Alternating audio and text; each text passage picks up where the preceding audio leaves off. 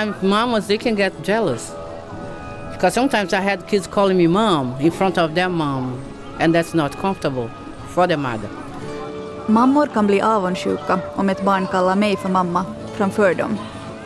Det blir obekvämt, men barnet förstår ju inte. De förstår bara kärleken de får. Sometimes the kids they don't they don't see that. They understand the love they receive. I think that's all the kids understand.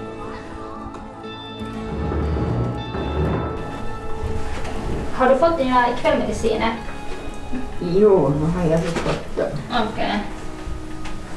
Det var vissa som blev för mig som vet du, jättenära. Att liksom varje gång när jag går in till deras rum, jag kramar dem. Vet du, för vissa är lite sådär att de är jättesjuka och de behöver mer hjälp av det här. Alltså, det har inte kommit sådär vet du, jättenära relation. Men sen vissa som de har haft massor kärlek hela deras liv och sen när de bor där de vill ha vet du, kärlek från personalen också.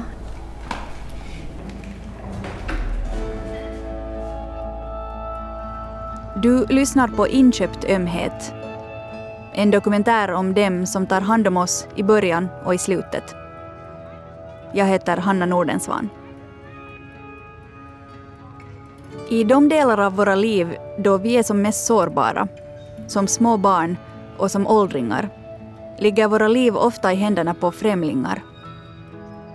Vi utkontrakterar vården åt människor som tar emot de lågavlönade jobben Jobben där det inte räcker med att vara på plats som ett fysiskt stöd, utan där vårdarbetarna är tvungna att sätta sina egna känslor på spel. I Finland är det våra åldringar som tas om hand utanför familjen, av människor som 28-åriga Nora. I USA är det vanligt att barnen har en nanny då föräldrarna jobbar. Erminia är en av dem.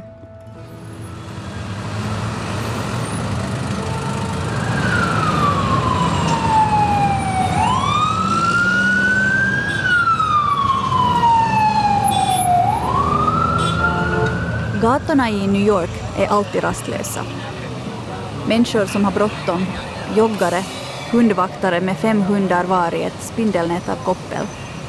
Och barnvagnar i hundratals olika modeller med hundratals olika barn och hundratals människor som skjuter fram dem genom horden av människor som har bråttom. Barnens föräldrar har också bråttom. USA är ett av tre länder i världen som inte erbjuder betald föräldraledighet. Att ha en barnvakt, en nanny, är vanligt både bland medelklass och överklassfamiljer. Tittar man noggrannare i människohavet, upp från de tilltrasslade hundarna och de olika vagnarna, ser man att den som håller i vagnen sällan liknar barnet som sitter i den. Enzo, are you having your milk? Ooh, delicia, huh? No, thank you. Erminia flyttade till USA från Brasilien i jakten på ett bättre liv. Hon har jobbat som nanny i New York i över 30 år. Ofta stannar hon med en familj och ett barn från att de är spädbarn tills att de blir tre, fyra år. You enjoying that milk, huh? You had a good lunch, now a little milk. Now you're gonna do some reading, okay? Uh, my name is Herminia Apolinario Chaplin, and I live in Queens, New York. I left Brazil in 81, 1981. First, I came to Minnesota, and then from Minnesota, I moved to New York. So, and then when I came to New York, um, I felt that the weather, you know, agreed with me. And also, there was a large Brazilian community my mother made sure that as we became older, we had to leave the country. She thought we'd have a better life here than we had back in Brazil. And when I first started, I was single, so no, I didn't have no kids back then. First, I started doing when I was back home already, when I was like 16, 15. And it became a way that I could support myself, pay my rent, buy my food. Erminia började jobba som barnvakt redan i Brasilien, då bekanta bad om hjälp. Då hade hon ännu inga egna barn. Efter att ha flyttat via Minnesota till New York har hon sammanlagt jobbat som nanny i 36 år. Boa noite, neném, vai dormir. Vai dormir, neném. Boa noite, neném, vai dormir. Vai dormir, neném. Just nu jobbar Erminia med ett barn på vardagarna och tvillingar på helgen. Hon sjunger ofta åt barnen, men också på fritiden. Ofta traditionell brasiliansk musik.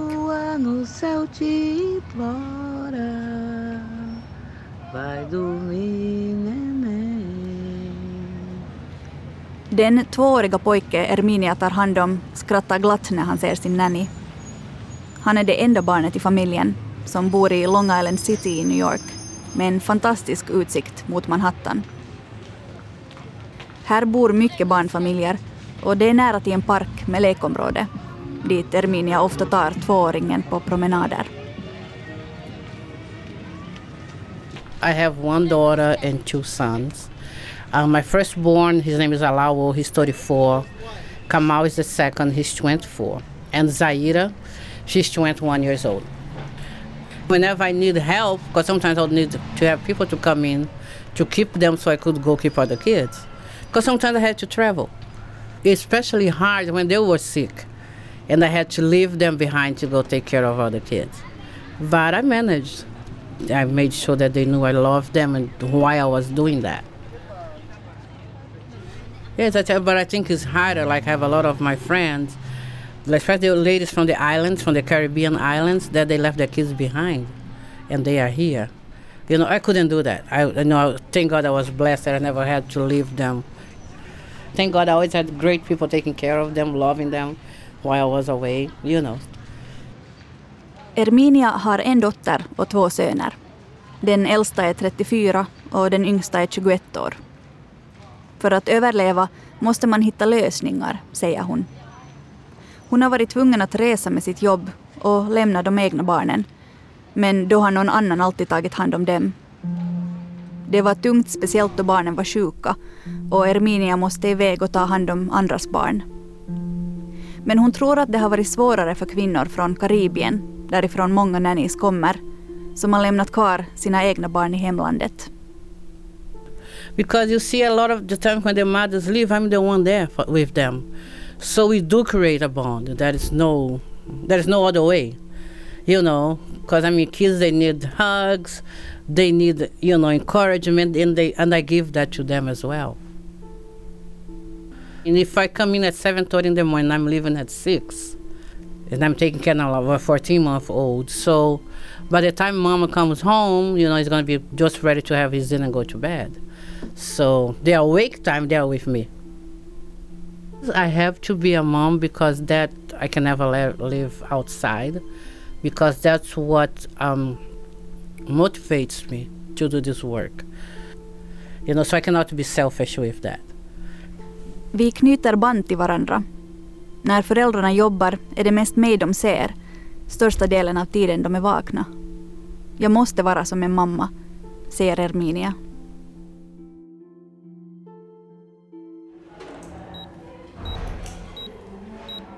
Jag jobbar med åldringar och liksom det är så här serviceboende för åldringar som behöver så här daglig sysslorna hjälp med då.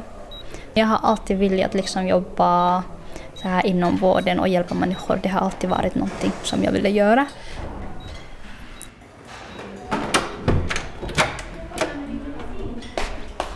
Klockan halv sju. Halv sju. Ja. Jag kommer hit och hjälper er sen.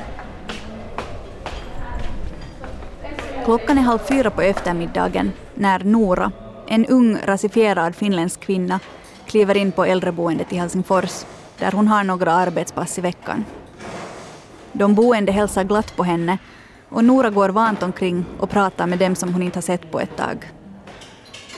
Nora är uppvuxen utanför huvudstadsregionen men jobbar och studerar nu i Helsingfors. Hon har jobbat inom äldrevården i över sex år och är utbildad närvårdare. Nyligen har Nora börjat studera till barnmorska men hon hoppar fortfarande in på arbetspass på äldreboendet.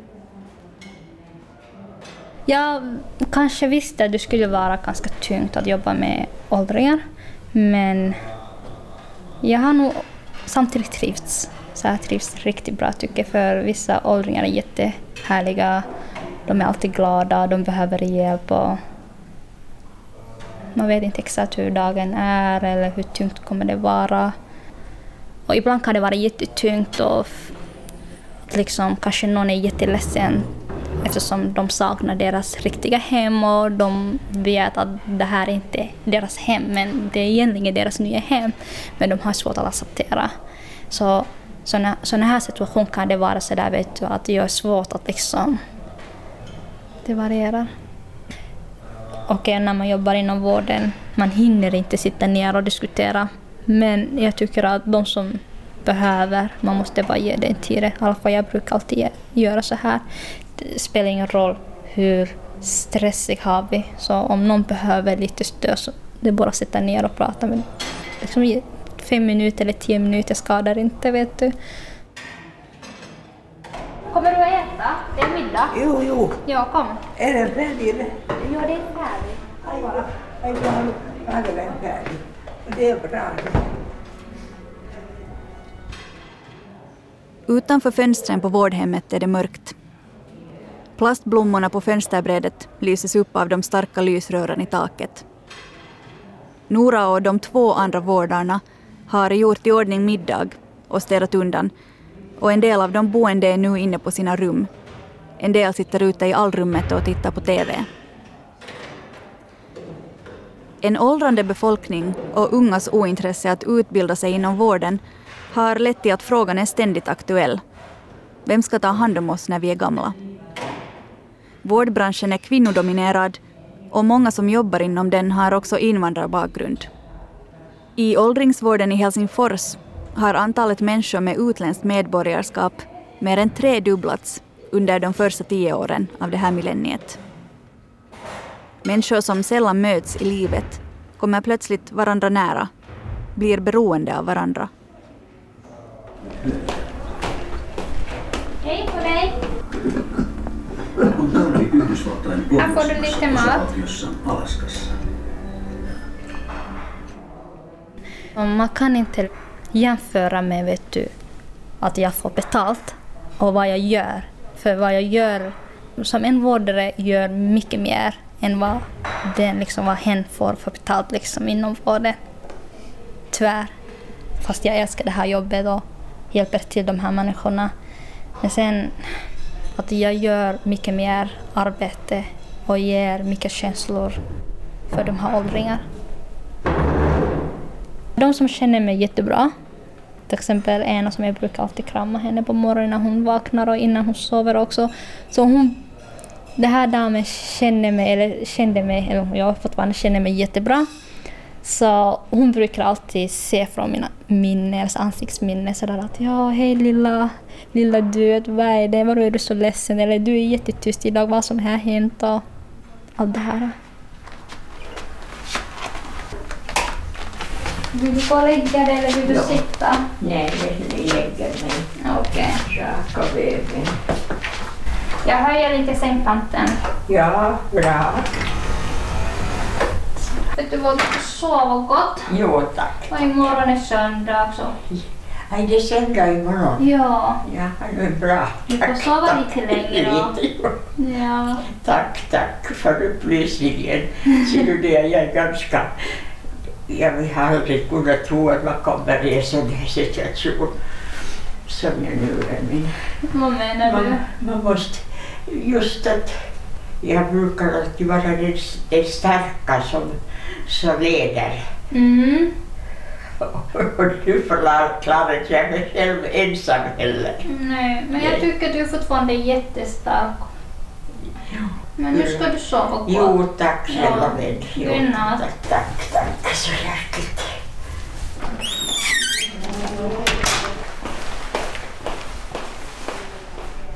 Man behöver inte se så mycket. Liksom, man måste bara titta situationen.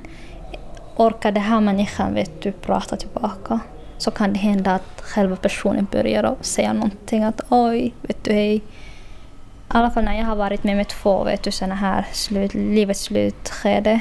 Så jag har hört från en sådär att alltså, det var själva personen som har börjat tala så här vet du, så här kommunicera någonting att hej tack, det har varit liksom du, du kommer vara en underbar vet du, så här barnmorska och du har varit en bra vårdare här och så här att vi börjar någonting som vi tackar vet du varandra. Så i alla fall. Och sen kan det hända att ibland vissa kan det hända att de är bara tysta. De kanske hör inte ens vad vi säger men att de känner det där värme från handen, att det är från en människa. Det är det viktigaste i alla fall.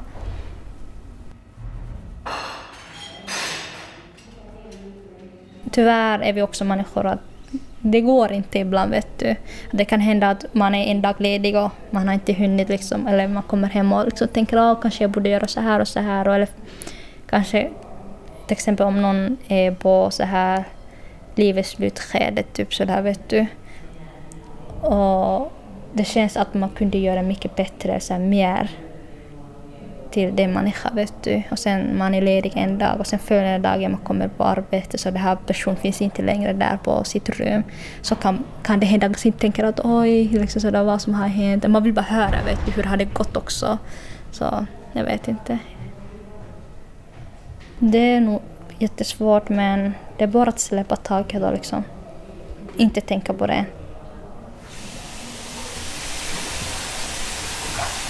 Lite kräm. Är det skönt? Ja. Nora går runt och hjälper åldringarna med sina kvällssysslor. Hon matar med sked, håller dem i handen, duschar böjda ryggar och småpratar. Smörjer in torra händer med kräm och rättar till kuddar. Nu går det ju när man inte, inte man klagar. Om det finns inte någon som är närmaste anhörig eller så här släkt på plats så det är typ vi som är sköterskorna som på avdelningen som finns där för den här människan, liksom personen och hjälper till så att de ska känna sig trygghet liksom. Att typ, eh, typ när det här slut, livets slutskede närmar sig och de är där som liggande på sängen och så här. Att typ, det är en vårdare som sitter där typ flera timmar kanske. Eh, jag tycker att jag har upplevt medan jag har jobbat eh, sådana här situationer till exempel under julen, så här under jultiden, att eh, anhöriga har inte dykt upp. Det kan vara ibland tungt att se, men vad heter till exempel mm, vissa jular som jag har varit med, hur man dyker upp och hur man liksom, liksom sätter upp allt så fint. Så att, liksom, att själva de som boende inte ska känna sig vet, utanför. Att de, liksom, det viktigaste är att, liksom, att de får det där känslan nu är det jul och nu ska de ha det roligt eller kul. Så där, vet du. Det, det var liksom vårt viktigaste tema. Typ så, där så vissa brukar inte alls känna att liksom, deras anhöriga var inte ens på plats. Vissa brukar känna. Men största del brukar deras anhöriga vara på plats, men inte alla. typ. Så det är lite jätte, liksom, så här svårt att liksom, se deras del. Vet du, så här, man blir lite ledsen för deras skull. Att man bara, "Åh." Men de brukar få mer uppmärksamhet av oss. Ibland känns det som att man ger terapeut eller sådär att man sitter där och diskuterar och Men det måste finnas vet du, någonstans så här gräns vad det går för man kan inte vara vad, i alla fall hur jag upplever det finns alltid gräns däremellan också.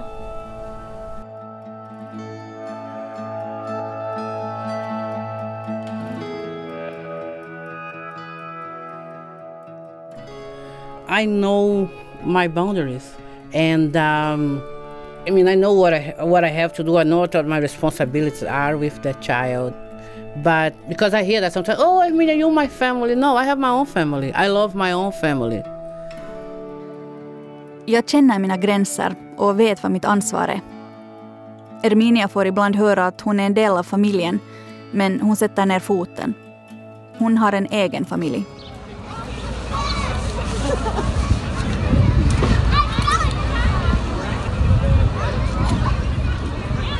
Grönområdet i Central Park mjukar upp Manhattans hårda betongvärld med sina breda gräsmattor, skogsdungar, fåglar och porlande vattendrag. Inne i parken glömmer man fort stadens snabba takt och andas lite lättare. Barnvagnar rullar förbi, ofta med sovande barn i, medan den som skjuter fram vagnen pratar i telefon. Det är inte ett sammanträffande att barnen ofta är vita, att nannyn ofta är svart. En stor del av dem som jobbar som barnvakt kommer från andra länder och en del jobbar svart. Människor som jobbar med olika typer av hushållsarbete i USA är många, oftast kvinnor och så gott som alltid rasifierade. Sedan tio år tillbaka finns det ett fack, men en bråkdel av arbetarna tillhör det och många saknar fortfarande rättigheter och kontrakt eller jobbar under minimilön.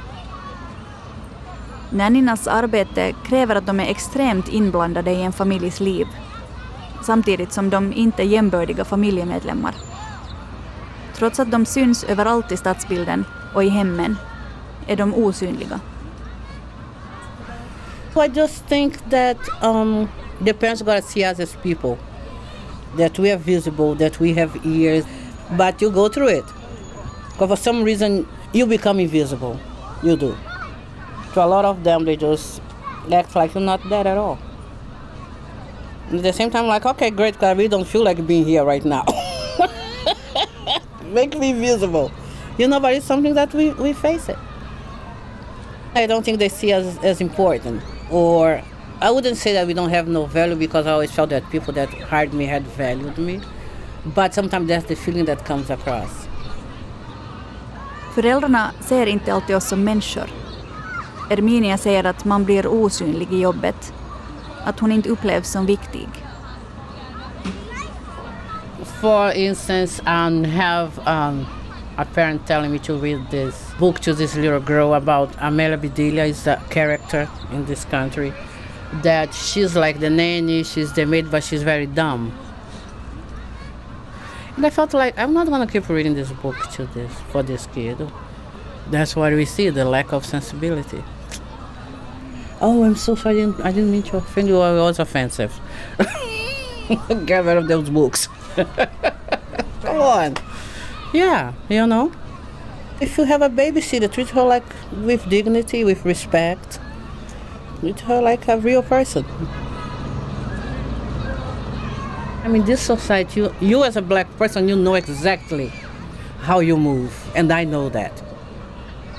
You know, I know exactly who I am, and I know exactly who they are, so I can't fool myself. You know, but yet we live in this, doing this dance. I'm not good, but you can take care of my kids. I'm not good, but you can take care of my older people, you know. Not good enough, but we love your music. You know what I mean? So it's, it's a reality that we live with. En gång bad en förälder Erminia att läsa en bok till familjens dotter. I boken porträtterades barnvakten som korkad. Hon vägrade läsa boken. Som en svart person i USA känner Erminia att hon hela tiden förväntas veta sin plats. Det är som en dans. Du är inte tillräckligt bra, men ta hand om mina barn. Ta hand om åldringarna. Inte tillräckligt bra, men vi älskar din musik. Vad ska jag göra?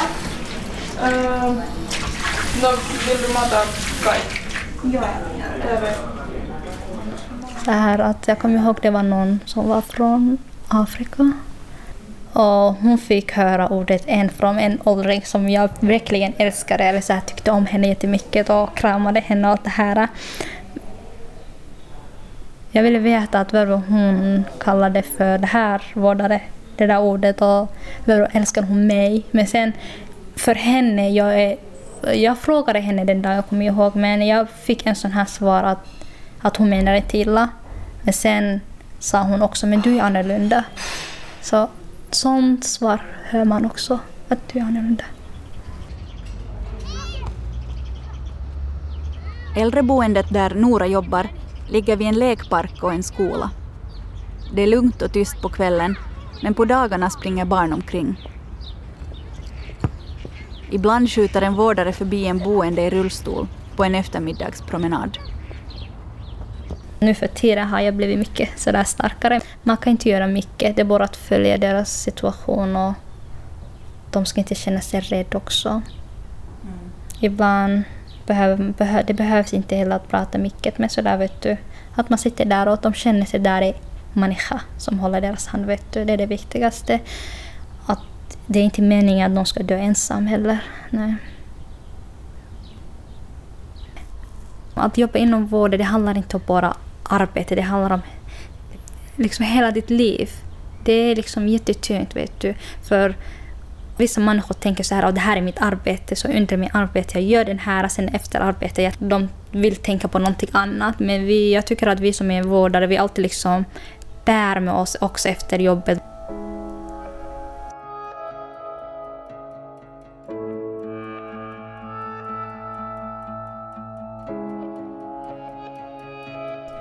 No, but other than that, I love. I love working with the children. You know, I really love spending time with them. You know, helping raising them. You know, because when I look at some of the kids that I helped raise, and they are great kids. The things they are doing in the world, how they are traveling, how they are, you know, making change and creating stuff. It's, I'm very proud of my job because I did my part. You know, so that's important to me. You know, and I'll do all over again if I had to. Erminia har ändå alltid älskat sitt jobb. Hon har hjälpt till att uppfostra barn som hon nu ser som vuxna ute i världen, där de klarar sig fint. Hon är stolt. Men efter att i nästan fyra decennier ha skött om andra människors barn drömmer Erminia om att fokusera på sig själv. Hon vill börja studera efter några års arbete till och drömmer om att åka till Brasilien och stanna där en längre tid och om att ägna mer tid åt musiken. De barn vars liv hon varit en stor del av och som hon skött om som om det var hennes egna är nu borta.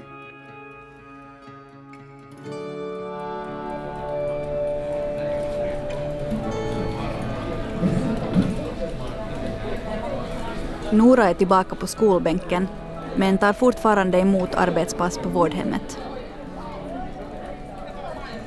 Barnmorskeprogrammet har börjat.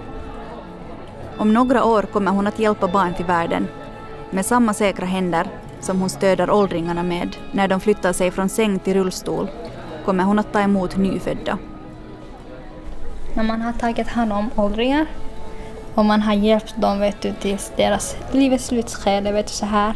Och sen nu plötsligt blir man en barnmorska och sen hjälper man till, vet du, såna här mammor som väntar deras första barn typ. Så det är liksom sådär att ett liv har tagit slut och ett nytt liv börjar på nytt. Liksom det här. Att liksom tvärtom blir det på ett sätt, vet du.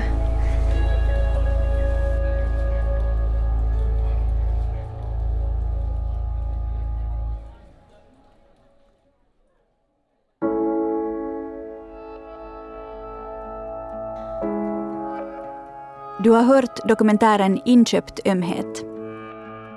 I dokumentären hördes Erminia Apollinario i New York. Nora i Helsingfors heter egentligen något annat. Ljuddesignen är gjord av Jyrki Häyrinen och producent var Staffan von Martens. Mitt namn är Hanna Nordensvan.